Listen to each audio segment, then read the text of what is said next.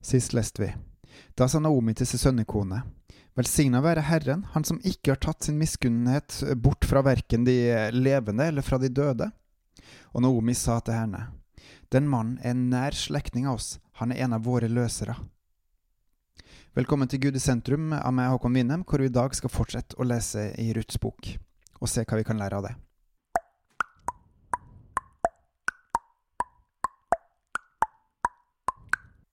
Kapittel 3 Nomi, hennes svigermor, sa til hun, Mi datter, skulle jeg ikke prøve å skaffe deg et hjem så du kan ha det godt? Hør nå, Boas er jo vår slektning, og det er hans pike du har vært sammen med. I natt kasta han sitt bygg på treskeplassen. Nå skal du gå og vaske deg og salve deg og kle deg og gå ned til treskeplassen. Men gi deg ikke til kjenne for mannen før han er ferdig med å ete og drikke. Når han så legger seg, skal du merke deg stedet hvor han legger seg. Gå så dit bort og slå opp teppet ved føttene hans og legg deg der. Så vil han si deg sjøl hva du skal gjøre. Hun svarte, Jeg skal gjøre alt det du sier. Verken Noomi eller Boas er noen gud, men samtidig er det ikke sånn at vi skal gjøre det som Gud sier, alt han sier som er godt.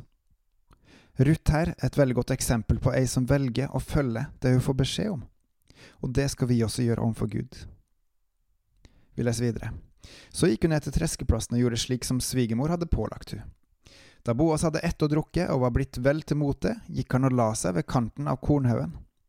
Da kom hun stille og slo opp teppet ved føttene hans og la seg der. Midt på natta ble mannen oppskremt. Han bøyde seg fram og fikk se at det lå ei kvinne ved føttene hans. Han sa, Hvem er du? Hun svarte, Jeg er Ruth, din tjenestepike. Bre teppet ditt ut over din tjenestepike, for du er løser. Her trenger vi ta et lite stopp, fordi hva er en løser for noe? Norsk eh, studiebibel sier eh, følgende om det. Boas var i familie med Ruths avdøde svigerfar, og han hadde rettigheter som løser. Han hadde rett til å kjøpe eiendommen tilbake for en slektning som hadde solgt den pga. fattigdom, sånn som det står i tredje Mosebok 25.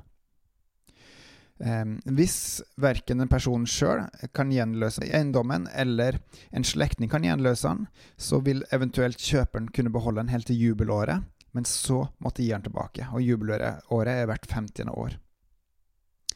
I det her er Boas et forbilde på Kristus. Vi mennesker har ødsla bort vår fødselsbestemmelse, det å kunne få arve Gud, men Kristus kom som vår bror og ble forløser og frelste oss fra å gå glipp av den arva her for evig, som det står i Hebreerne 2. Arva gjenvinnes fullt ut når alt blir gjenoppretta, i det store jubelåret, kunngjort ved den store basun, noe både Matteus, Apostelsgjerningen og Jesaja eh, snakker om, for å nevne noen plasser. Og så kommer det lille spesielle ekstra. Løseren hadde også en plikt til å ekte en barnløs brors enke og skaffe seg sin avdøde, avdøde bror etterkommere, ifølge 5. Mosebok 25. Og legg merke til at det er en plikt, så skal du gjenkjøpe eiendommen, så må du også ta din barnløse brors enke som ektemake. Så Boas er rett og slett Ruths løser. Vi leser videre. Da sa han, Velsigne være du av Herren, min datter, du har nå lagt enda større kjærlighet for dagen enn før, siden du ikke har gått etter de unge menn, verken de fattige eller de rike. Så vær nå ikke redd, min datter, alt det du sier, vil jeg gjøre for deg. For alle som bor i byen, veit at du er en god kvinne. Det er sant som du sier, jeg er virkelig løser, men det er en annen løser som er nærmere enn jeg. Blir han nå natta over, vil han da i morgen løse det, så lar han det. Men har han ikke lyst til å løse det, så løser jeg det, så sant Herren lever. Bli liggende til i morgen tidlig. Legg merke til at Boas her faktisk sverger ved Herren, så sant Herren lever, og det har vi virkelig blitt frabefalt å gjøre. La et ja være ja, og et nei være nei. Videre. Så ble hun liggende ved føttene hans til om morgenen. Da sto hun opp, før folk ennå kunne kjenne hverandre, for han sa, det må ikke bli kjent at kvinna kom hit til treskeplassen. Så sa han, kom hit med den kåpa du har på, og hold i den. Og hun holdt i den, og han målte opp seks mål bygg og la det på ryggen hennes. Så gikk hun inn til byen. På samme måte som Boas ga til Ruth og sørga for hun, så kan vi også vite at Gud, han sørger for sine. Han sørger for at vi har det vi trenger. Det blir ikke på den måten vi sjøl tenker vi trenger, eller det er akkurat det vi trenger, men Gud sørger for at vi eh, får det vi trenger. Sånn som vi også har lest i Matteus 6, hvor det står Søk først Guds rike og hans rettferdighet, så skal du få alt det andre i tillegg. Videre igjen.